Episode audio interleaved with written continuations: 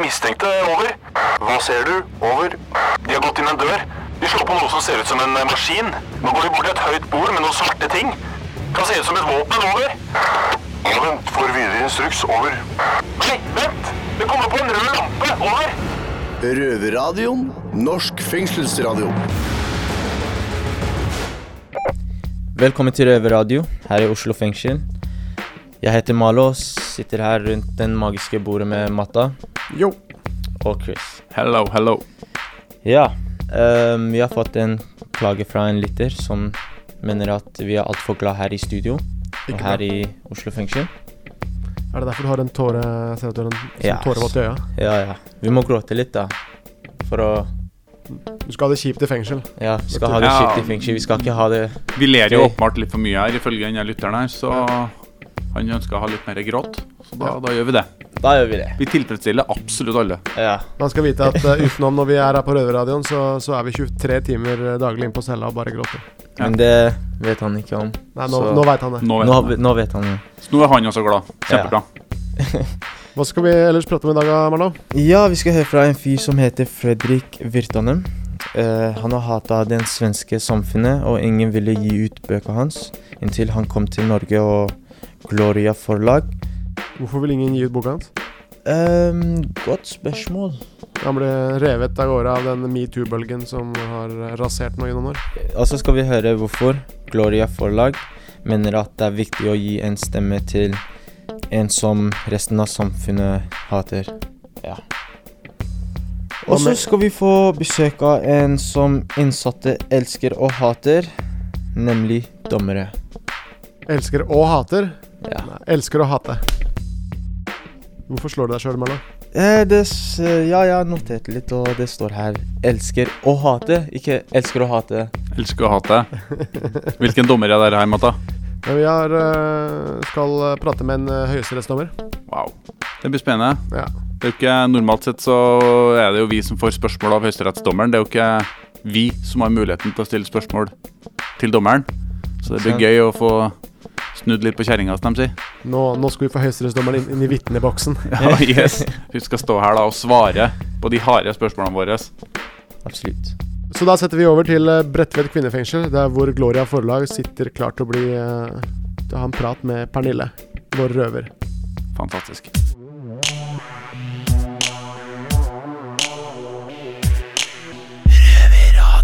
Hvor langt skal man strekke seg for å gi forhatte folk en plattform for å ytre seg? Velkommen til Bredtvet kvinnefengsel. Jeg heter Pernille, og vi har besøk av Gloria forlag. Her ved forlagssjef Anne Gåthaug Hei. og sjefsredaktør Kristin Brandtzæg Johansen. Hei. Dere har jo gitt ut en bok i det siste, og det store spørsmålet da er hvem er Fredrik Virtanen?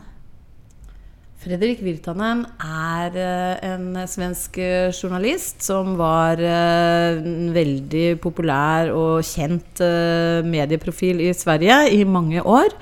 Og så, for å gjøre en lang historie kort, han ble skikkelig felt i metoo-kampanjen i Sverige. Ikke av domstolene, men av media selv. Det var et voldsomt styr rundt Fredrik Virtanen. Ja, han eh, skrev jo bok for å forklare sin side av saken, men ingen ville jo gi ut den boken. Hvorfor valgte dere å gi ut boken hans? Vi fikk vite om den fortellingen, og da om denne medieprofilen. Han, han mistet jo jobben sin og ble jo på en måte fratatt alle muligheter til å skrive og gjøre det han hadde levd av. Så fikk vi høre både at han skrev, og dette her at ingen svenske forleggere ville gi den ut. Så ble vi nysgjerrig. Begynte å researche og finne ut hva som har skjedd her. Og jo mer vi leste, jo mer nysgjerrig ble vi på hva det hva, det som fore, hva som har foregått, hvordan han ble felt, og hva det var.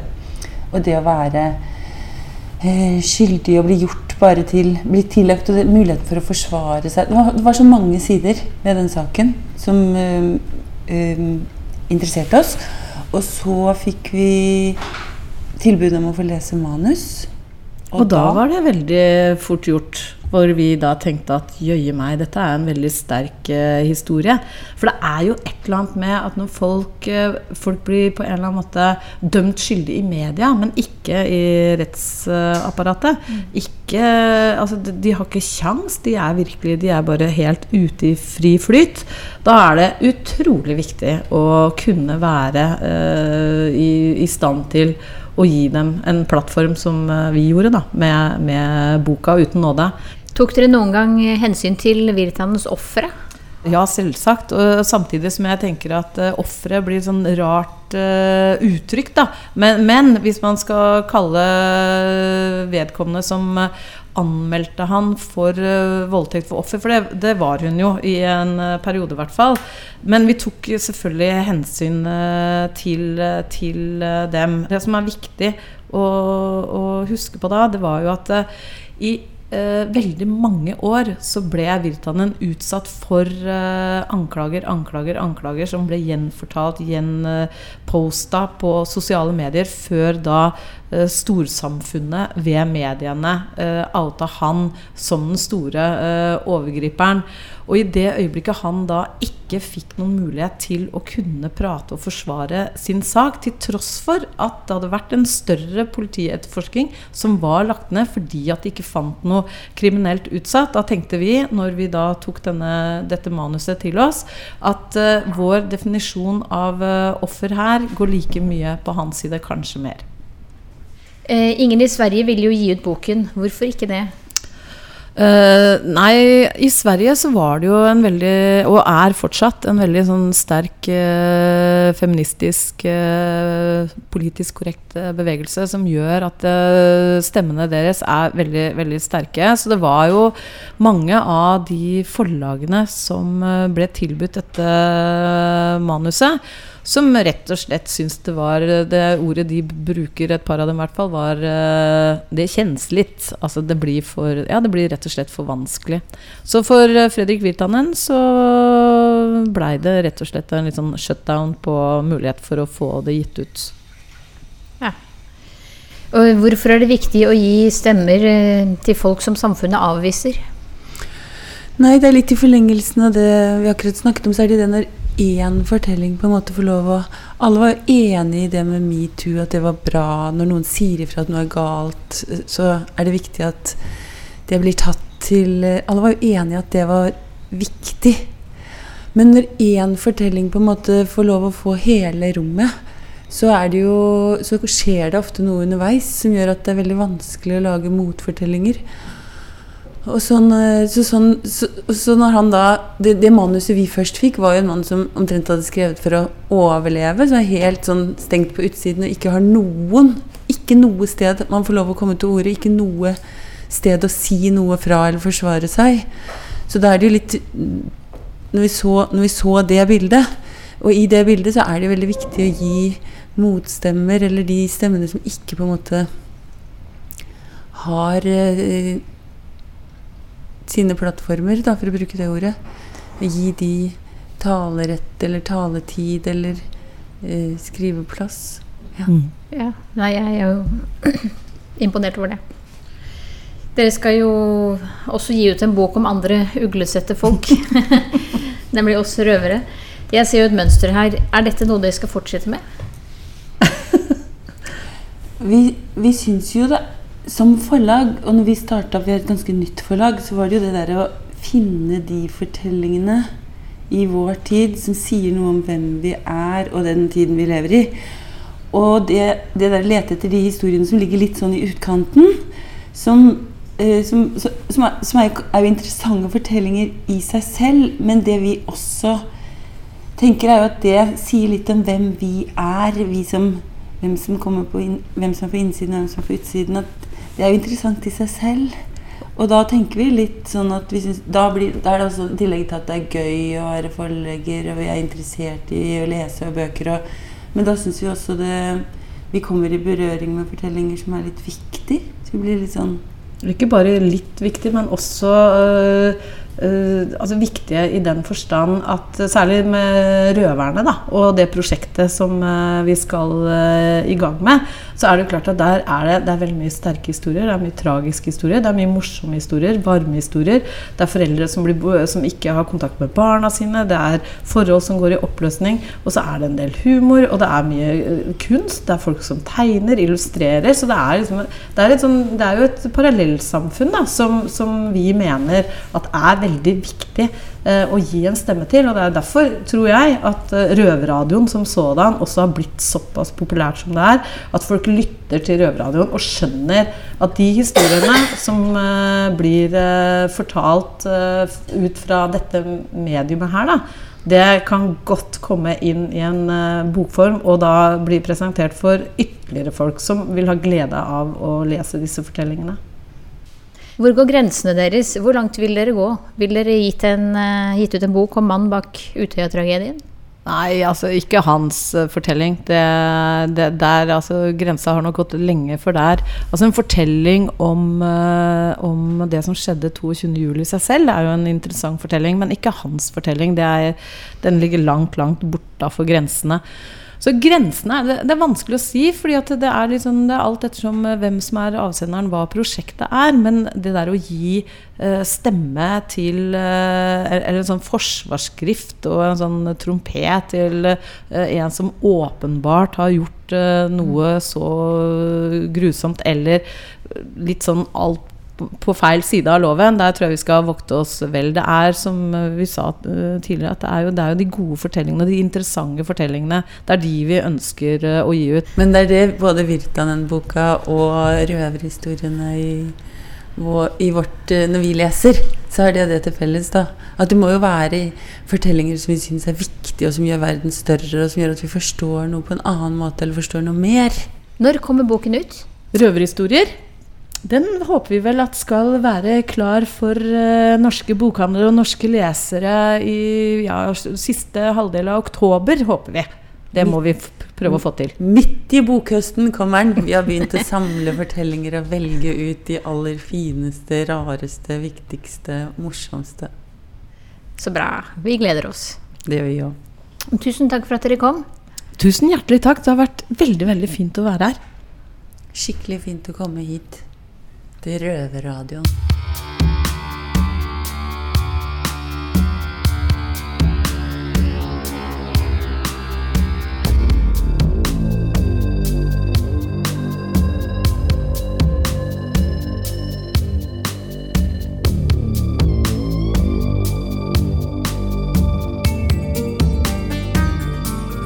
Vi har klart å finne en dommer av høyeste grad som uh, tør å komme inn blant oss straffedømte og prate med oss kriminelle. Høyesterettsdommer Kristin Nordmann, velkommen bak de varme murene her i Oslo fengsel. Tusen takk. Jeg heter Mata, og jeg står her med min høyre hånd, Tito. Som alltid. Så skal vi, vi starte med de, de lette spørsmålene. Det er greit, det er bra, men vi trenger litt oppvarming. Ja, det er kanskje lett for deg å svare, vanskelig for oss stille, jeg vet ikke. Du har, du har vært på en uh, fengselsturné. Jeg har sett deg faktisk fra luftegården. Det stemmer. Jeg var her en dag. En hel dag. Ja. Så gikk du rundt og så. Jeg var rundt i hele fengselet og så. Jeg har vært i veldig mange fengsler. Uh, skal jeg nevne hvor jeg har vært, kanskje? Ja, det kan du gi oss lista. Ja, jeg begynte i Kriminalomsorgsdirektoratet og fikk da en generell innføring. Og så var jeg på Bredtvet, uh, Ila, uh, Ullersmo, Halden, Ravneberget kvinnefengsel, Bergen fengsel, Bjørgvin ungdomsfengsel, Eidsvoll ungdomsfengsel, Bjørgvin åpne fengsel. Og så har jeg vært på friomsorgen i Østfold og i Oslo, og på overgangsboligen i Oslo på Torshov og i Arups gate. Så jeg har vært mange steder, og jeg har Sånn som i Bergen var jeg to dager, på Ila var jeg tre dager, og på Bredtvet var jeg to dager. Så jeg har tatt med, brukt god tid. Jeg begynte helt i begynnelsen av april, og dette varte da nesten ut hele mai. Det var en imponerende lang liste. Tror at du husket alt det? Det gjorde sterkt inntrykk. Det gjorde det? Ja. Men hvorfor var du der? Eh, Jeg er som sagt da dommer, og når vi dømmer noen til en straff, så var jeg veldig nysgjerrig på hva som skjer etterpå. Og da er saken avsluttet i domstolene, og da er det kriminalomsorgen som overtar. Du ser hva som skjer eh, Ja, etter at nå, jeg vet ikke alt hva som skjer, men jeg vet i hvert fall veldig mye mer enn før jeg begynte dette, disse besøkene. ja. Jeg syns det er bra, jeg. At du Jeg er blitt tatt veldig godt imot, både av innsatte og ansatte. Ja, det håper jeg. Får du noensinne dårlig samvittighet for en dom? Har du sympati for den dømte, eller eh, har han gjort noe galt, så er det bare sånn? Nei, hvis jeg mente at uh, har han gjort noe galt, så var det bare sånn, så tror jeg ikke jeg hadde brukt to måneder på det jeg nå har gjort. Og et av uh, formålene var jo å snakke med innsatte, og det har jeg gjort. Jeg har, særlig på Ila, fått god tid med å snakke med forvaringsdømte. Så jeg, ja, jeg får uh, sympati med de innsatte. Jeg får ikke dårlig samvittighet for en dom, men det hender at eh, jeg er uenig med lovgiveren, som er Stortinget. Men vi skal jo følge de lovene de gir. Og det er ikke alltid de gir vidt nok slingringsmonn sånn jeg kan bestemme det jeg mener er riktig. Og jeg har ikke lyst til å nevne konkret den saken jeg tenker på, men det var en straffesak hvor jeg hadde det ganske dårlig to uker etterpå. Men hvor jeg følte meg forpliktet til å følge lovgiverviljen. Da, så du Du føler ikke at den, den loven eh, Eller den saken det gjaldt, så var loven bra, eller? Jeg følte at loven var for streng. For streng? Ja, men jeg har ikke så lyst til å si Nei. Jeg syns det blir litt feil at jeg sier hvilken sak det gjaldt. Ja, nei, men sånn Ja. Så det hender at jeg angrer på at jeg ikke har eh, vært i mindretall og stemt imot flertallet. Ja. Det vi kaller dissenser. Men Jo. da blir jo resultatet det flertallet vil allikevel. Men hvor kan du stemme? Altså, har du en stemme når det kommer til loven? Vi loven? stemmer når vi avsier dommer, så stemmer alle dommerne. Vi er fem dommere, og ah, ja. alle stemmer for det resultatet de mener er riktig. Ja, sånn sett, ja. Ja. ja. Ja, så Hvor perfekt føler du loven er? Jeg syns ikke noe er perfekt i hele verden, heller ikke loven. Men eh, det er mye god lovgivning, og det er mye lovgivning som ikke er så god. Eh, jeg har jobbet på universitetet i mange år, og når folk skulle skrive bøker og aldri ble ferdig, da sa vi at det perfekte er det godes fiende. Og ja, vi skal ikke la være å prøve å lage gode lover selv om de ikke er perfekte, men loven er ikke perfekt. Nei, vi må bare gjøre vårt beste. Vi må bare gjøre vårt beste. Du er enig i det, Tito, at loven er ikke perfekt? Nei, nei, nei. det er hva jeg sier meg enig, altså. Men eh, er en dommer alltid rettferdig? Hører den på alle sider, eller telles ikke mitt ord, f.eks.? Jeg kan bare snakke for meg selv, men jeg tror det gjelder for eh, i hvert fall alle dommerne jeg kjenner, at vi prøver å høre like mye på begge sider. Man, det forventes jo egentlig at man lyver. Jeg vet ikke om man sier det rett ut, eller? Nei, det kan jeg ikke svare på. Vi, eh, I Høyesterett så hører vi jo ikke partene, vi hører bare advokatene deres. Ja. I høyeste, det er Og- annerledes i Høyesterett. Ja, men jeg tror i lagmannsretten at dommerne prøver å gjøre seg opp en oppfatning om tiltalte snakker sant eller ikke, da. Og det er jo en helhetsvurdering om hvordan du fremstår i retten. Det er jo ikke sånn at man alltid lyver. Nei, altså jeg føler jo Og jeg har snakket med flere som også har sagt seg enig i det. Og så når de har hørt det, tenkt at oi, dette her er jo faktisk akkurat sånn som jeg føler det er. Mm. Det er at det forventes nesten litt sånn Det er bygd opp i at jeg skal underdrive saken min for å få lavere straff, og så overdrive politiet på den andre siden, og så skal vi på en måte havne midt imellom. Ja. Jeg føler at det ofte funker litt sånn, og jeg har snakket med flere som er enig i det. Ja. Jeg syns det er vanskelig å snakke generelt, men jeg kan i hvert fall si for egen del at jeg eh, gjør så godt jeg kan, og jeg prøver å høre på begge sider. Ja. Nei, ja, det forstår jeg. Ja. Jeg syns du virker som en sympatisk dame, så Takk skal du ha. I like måte. En sympatisk mann, da. det er bra. Så jeg er jo, jeg er jo tilkoblet til legale amerikanske cannabisindustrien. Så som mine i gåseøyne folk da ordnet meg et ekspertvitne i, i min sak. Og hadde det ikke vært for det ekspertvitnet, så hadde jeg nok blitt dømt mye strengere pga. at Kripos sitt ekspertvitne Han sa mye som plantefysiologisk sett ikke er mulig. Så lønner det seg ikke å, å, å være litt mer ressurssterk. Altså Noen som er mer ressurssterke, vil jo da i mange tilfeller få en mindre straff pga. hvem de kjenner og dem- hvem de er, enn andre.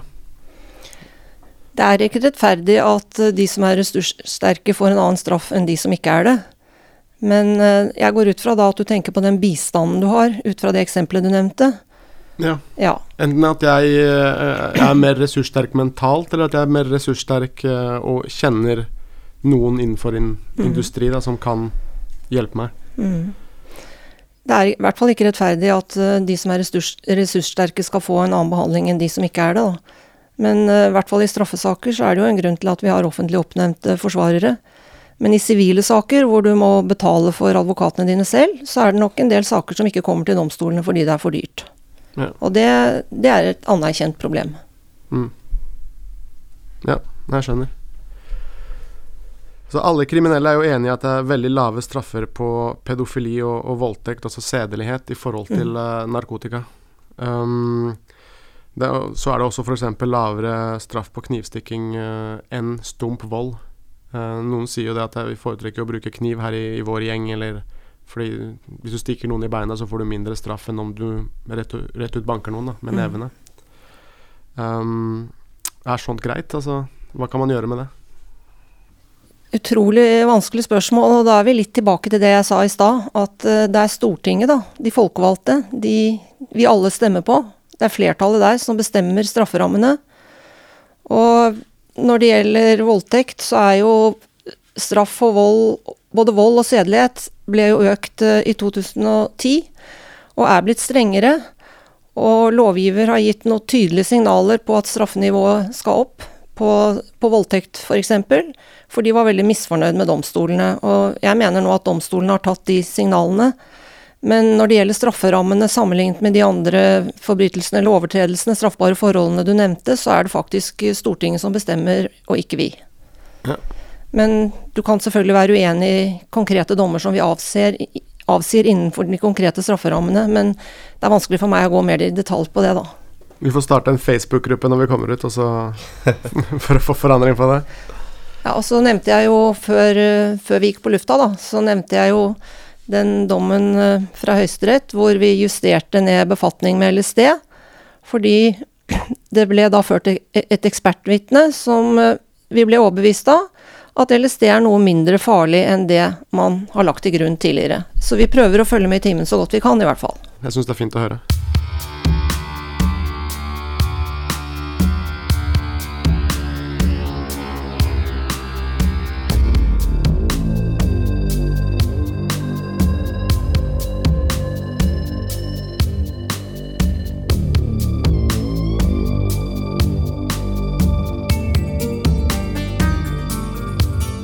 Studie og forskning viser at uh, det er en sammenheng mellom uh, når man blir dømt på dagen eller på morgenen.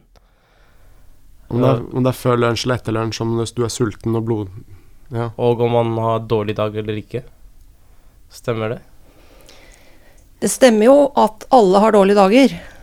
Nei, men Men- Går det utover eh, Da har jeg en trøst eh, for min egen del, at hver gang vi sitter i retten, så er vi fem dommere, og da får vi i hvert fall håpe at ikke alle fem har en dårlig dag samme dag. Men det kan skje. Det kan skje at vi har en dårlig dag, men jeg håper at, vi ikke, at det ikke påvirker oss. Men jeg skal ikke si at det ikke påvirker oss overhodet. Men det er vel usannsynlig, i hvert fall hos oss, at alle fem har en dårlig dag samtidig. Det tror jeg ikke. Ja, Får håpe at ikke det skjer så ofte. Og er det i tingretten hvor det er én dommer, så har man en ankemulighet. Hvis man mener at det har vært utslagsgivende. Det er bra. Så hvor, hvor objektiv føler du at du er? Altså Er ikke loven basert på kollektive, semiaksepterte synsvinkler eh, basert på tiden vi lever i? Hvor objektiv føler jeg at jeg er. Eh, Jeg føler at jeg prøver Det spørs hva du legger i det. For meg går det på at jeg må høre på begge parter. Og like mye på begge parter. Og man er jo Det er jo en grunn til at eh, dommere har ulik bakgrunn, for vi er jo preget av den bakgrunnen vi har, hvor, hvor vi er født hen, hvilken jobb vi har hatt før vi ble dommere. Så for å prøve å, å jevne ut litt, så er det en målsetting også i Høyesterett at vi har forskjellig bakgrunn. Men jeg mener at dommeren hos oss, det ligger i dommerløftet at vi forsøker å være objektive. Og så har vi noe som heter inhabilitetsregler. Og det betyr at har du en tilknytning av subjektiv karakter til en av partene, eller også prosessfullmektigene, så kan det hende at du må, kan ikke være med på den saken. Og dette er jo et utslag av dette at vi prøver å være objektive. Um, hva skjer eh, med loven som eh, på godt og vondt eh, er designet som et veldig rigid system, når vi eh, nå som et samfunn utvikler oss fortere enn noensinne? Det skjer jo at, vi, at lovgiver må gå inn og endre loven, og noen ganger tar det for lang tid. Men det fører også til at i en del tilfeller så er loven så skjønnsmessig utformet at vi får saker for domstolene hvor vi nærmest må prøve oss frem på et nytt faktum som vi ikke har hatt før. Og det var jo et eksempel nå med noe bevisoppslag hvor noe nedlasting av musikk har dere hørt om Tidal? Som er en Ja, sånn strømmetjeneste. Ja, ja. Mm, Ja, da var jo problemstillingen om man kunne beslaglegge informasjon som eh, et kontor som var underavdeling av Tidal har i Norge. For de sa det kan dere ikke gjøre, for dette materialet finnes, finnes ikke hos oss, det finnes bare i skyen. Mm. Men uh, da kom Høyesterett til at man kunne beslaglegge dette materialet allikevel. Og det er jo den type ting som ikke står uttrykkelig i loven, og som ikke er løst der. For man har kanskje ikke tenkt på det, for loven er gammel. Nei, det er det som er så vanskelig med ny teknologi. Ja. Og så kan det også føre til at man ikke får dømt noen som gjør noe som man mener kanskje bør være straffbart, fordi at det er et krav at straffebudet må være klart utformet for å kunne dømme noen. Så det er en annen problemstilling, og da må lovgiver inn og endre loven før noen kan dømmes. Så det er ikke så lett som å bare slå med den lille hammeren og si skyldig, skyldig Det er ikke så lett. Det er ikke så lett. Har du, har du lyst til å spørre oss om noe? Har du noen spørsmål som du har lyst til å kunne tenke deg å få svart? Ja, jeg, jeg har lyst til å spørre hvordan det er å være her. Det er et veldig, stort, veldig stort spørsmål og veldig vanskelig å svare for kort på, men ja, her i Oslo fengsel. Nei, det er jo egentlig ingen tvil om at altså, Det er ikke alle som sier seg enig, men jeg tror alle som sitter i fengsel, sier seg enig i at dette er Norges verste fengsel. Men så av all isolasjonen og alle de manglende midlene. Så jeg syns det er eh, Jeg syns Jeg ble overrasket. Jeg har sett noen eh, Jeg har sett fengsler i Sør-Amerika. Fordi jeg var mye med Der er min barndom, og det har vært en del av barndommen min. Og eh, selv om det er farligere i de fengslene, så er det mye mer fellesskap, fordi folk er jo Du er mer innelåst i fengselet, og du går fri inn i fengselet. Her ble jeg jo overraska. Jeg satt i åtte eller ni måneder i fjerde avdeling, og eh, jeg satt jo 22 timer innelåst hver dag. Mm. Og det Hvis du ikke klarer å sette pris på bøker, så er det ganske vanskelig. Jeg veit at Tito han sitter mye innelåst ennå. Ja, jeg sitter fortsatt innelåst, men eh, det er ikke noe jeg får gjort noe med, ikke sant. Men eh, det har jo vært sånn i lengre tid. Og så er det dårlig med fellesskap, ikke sant. Så det blir veldig mye isolering og veldig lite aktivitet for oss. Spesielt her i Oslo fengsel, da. Det er det som er verst. Ja, Mhm. så Ja. Ja. ja. Etter alle fengsler eh, du har vært i, altså, hva er det som overrasket deg mest? Jeg tror ikke at jeg ble så overrasket, men det som gjorde størst, som jeg syns nesten var verst, det var luftegårdene her. Med disse tårnene. Derfor det er veldig, jeg syns det er veldig forskjell på de beste luftegårdene jeg har sett, og de verste, da. Så hvor var den verste du har sett? Ja. Hvorfor det? For, fordi det var så trangt, og fordi det var murer og gjerder rundt, og du så liksom bare de murene og gjerdene, og fordi at de har disse tårnene hvor eh, betjentene står. Og at det var et veldig, veldig lite areal og fryktelig mange mennesker inni det lille arealet. Så det, det ja. Det tårnet gir en sånn her eh, USA-fil, eh, sånn som du ser det på Det på er litt fremmed i, i forhold til sånn vi ønsker å ha det i Norge. Ja. Og jeg vet at eh, jeg tror ikke de ansatte her er noe mer glad i det enn dere, og det går jo på, det går jo på ressurser Ja. og penger. Ja, nei, jeg hadde ikke tenkt på det tårnet på den måten. Så det er ikke tårnet som, eh, som plager meg mest. eh. Det er ikke det? Nei, Nei. det er Faktisk, de har ikke det i andre fengsler, hvis jeg husker Ingen, riktig. nå har jo jeg vært der jeg har vært, jeg har jo ikke vært i hele Norge, men jeg har ikke sett det noen av de stedene jeg har vært. Såpass. Jeg vet ikke hva jeg skal si til det. Jeg hadde null peiling på, på det med Nei, da hun sa det, så tenkte jeg på det. Så ja. det var rett i Det var godt observert. Nei, men det var hyggelig at du fikk eh, komme og tatt en prat med oss i Røverradioen, og til de lytterne ute. Tusen takk for at jeg ble invitert. Ja, takk eh, høyesterettsdommer eh, Kristin Nordmann for at du turte å komme og prate med oss. Det var ikke skummelt. Det var ikke skummelt? Nei. Nei. All right, all right. Da har uh, høyesterettsdommeren eh, nettopp vært her. Kristin Nordmann. Jævlig bra navn, forresten. Absolutt. Nesten Christian. Ja, nesten Christian. Um, jeg, øh, jeg som, vanlig Mata. Jeg står her med Christian og Tito. Tito han, eh, Christian han satt her og fulgte med. Og nikka og var enig og syntes det var et vakkert, eh, herlig intervju. Det var helt nydelig. Det var helt nydelig. Um, jeg vet ikke hva vi skal si, gutta. Jeg syns uh, Jeg ble overrasket over hvor uh, skal si, nøktern hun, hun var. Hvor så veldig menneskelig. Altså Tito han var jo forberedt på å eh, rive henne et nytt et eh, når hun kom, men han ble jo også Hva? hva det? Ja, du skulle Nei, hun var Vi Jeg har aldri møtt uh, en dommer, høyesterettsdommer, som er så forståelig, da. Sånn kort fortalt, sånn, var, det, var det greit uh, å snakke med en uh, høyesterettsdommer, Tito? Jo, det var det var- det, var, det var greit å møte ansikt til ansikt. Du var så tent på og var klart på krigsstien, og så kommer hun inn, og du smelter jo og blir snill Jeg har ikke sett deg så myk noen gang. Nei, nei, men hun var, hun var en uh, veldig bra dame. Hun, eh, hun hører og er ikke som de andre som Jeg har en mistanke om at de hadde et advokatmøte Nei, et sånt sånn dommermøte der hvor de skulle velge én dommer. snilleste. Ja, som, som, som drar rundt og viser oss fra vår beste side. Og ja, vi velger, vi velger Kristin, fordi hun Alle liker henne, og Ja. det er jo ikke rart, da. Jeg, jo, jeg likte henne veldig godt. Ja, hun var veldig Nei, nei, hun er godhjerta. Fine svar.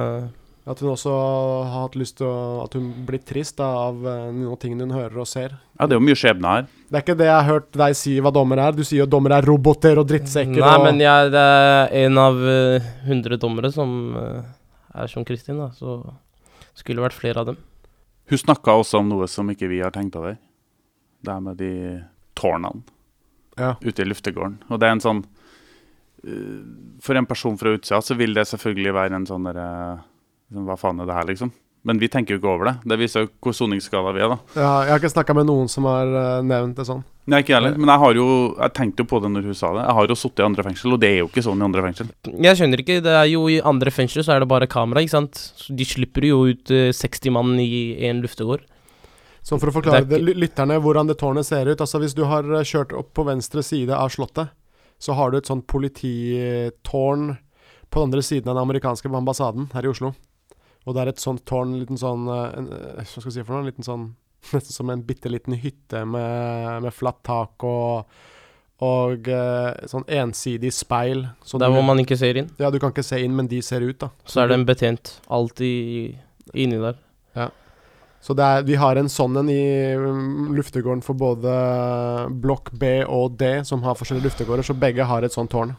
Ja, Det sier seg selv, altså, men det er farlige soner her. altså. altså, ja. du, altså, du, vet, du har jo ikke noe klokke, så med mindre du ikke henger med noen som har en klokke, så vet du ikke hvor langt inn i lufteturen eller lufta du er. Så når du ser at den bytter At den bytter betjent, da vet du at du er halvveis inn. Halvveis. Ja, det er riktig. Det er jo sånn, uh, sånn vi gjør. Halvtime For ei klokke gidder de jo ikke henge opp på den veggen der. Nei, nei, nei. Vi er ikke verdt Det Er, Det, er, det blir det. for dyrt. Det er for dyrt. Så da er vi, konkluderer vi med at vi er positivt overrasket over eh, spesielt denne dommeren. da. Absolutt. Det er vi. Det er vi.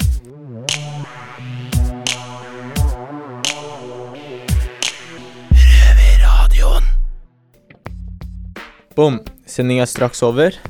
Åssen syns du det gikk med sendinga i dag? Som vanlig så syns jeg det gikk bra. Ja, Vi, vi gjør jo ikke noe annet enn god jobb. Ja, ikke sant? det er jo fantastisk. Helt Hva syns du om uh, intervjuet fra Bredtvet? Nei, jeg syns det er viktig at alle uansett jeg eh, skal få prate. Jeg er en sånn en at uh, jeg syns ikke du skal knebles bare fordi du har en sosialt uh, uakseptert mening, eller om du er dømt eller whatever. Altså Uansett hva det skulle være for noe, så Det er klart, altså En av de mest grunnleggende rettighetene vi har i landet, her er jo ytringsfriheten. Og her er det jo en svenske som ikke bare har mista ytringsfriheten sin, men han har jo mista alt mulig annet også. Han er jo, han er, han er jo ikke dømt av staten. Eh, vi skal ikke si at den har gjort eller ikke gjort noen ting. Jeg personlig har ikke noe formening om det. Jeg har bare sett det jeg har sett i media, og der vet vi jo at eh, det kan jo være eh, ymse av det som står der, som kanskje ikke, altså, Det trenger ikke nødvendigvis være sant. da media har en tendens til å overdrive og ja, og de, de skal jo primært sett selge, selge klikk og selge aviser. Og karen er jo ikke dømt for noen verdens ting. Men allikevel så er det sånn at, at, at han kan ikke engang dra på butikken med familien sin og handle uten å bli Altså Mobba, liksom. uglesett, mobba, kanskje verre ting. Og det er jo, det er jo ganske sykt, da. Og, og så skal han samtidig ikke få lov til å gi ut en bok. Så all ære til Gloria forlag. Ja, ja. Riktig. La meningene, la meningene komme ut, uansett hvor uh, rare den skulle være, og Ja. se om det overlever uh, i Det er akkurat det. Det, det er folk ikke interessert i. Det, det, det, det, det forbigår i døden uansett. Det er bare sånn det er. Hvis det, hvis, den, hvis det er fornuftig, og hvis du har noe fornuftig å komme med, så vil folk på en måte lytte. Og hvis ikke du har noe fornuftig å komme med, så dør det bare ut. Nettopp. Men uh, hvor, er det, hvor er det folk kan uh, høre oss, uh, Marlon? På NRK P2 lørdag halv fire. Eh, på podkast når som helst, hvor som helst. Ja. Ja, Hva skal du på stelle etterpå, Marlon? Hva skal jeg på cella etterpå? Jeg vet ikke. Gråte litt? Ja, vi skal alle gråte litt. Ja, Ja. I dag er det faktisk I dag må vi gråte litt. Eh, vi, har jo som, eh, vi, vi har jo som oppgave her i Røverradioen å gjøre at alle sammen er Alle lytterne våre skal være 100% fornøyd. Vi har en 100 fornøyd Ja. Så han ville gjerne ha mer gråting. Så, nå skal vi gjøre vår jobb, og vi går og gråter. Ja. Ikke right. sant? Ta med oss noen tørklær, da. Ja. Ja. All right. Det var vel alt? Det var alt. Ha de. Ha det. Ha ha da. Det har vært stille fra over en time. Hva skjer? Over. Det er bare et radioprogram. Det er lettere å høre på dem der. Over. Ja, vet du når det går, da? Over. Det er samme tid og samme sted neste uke. Over.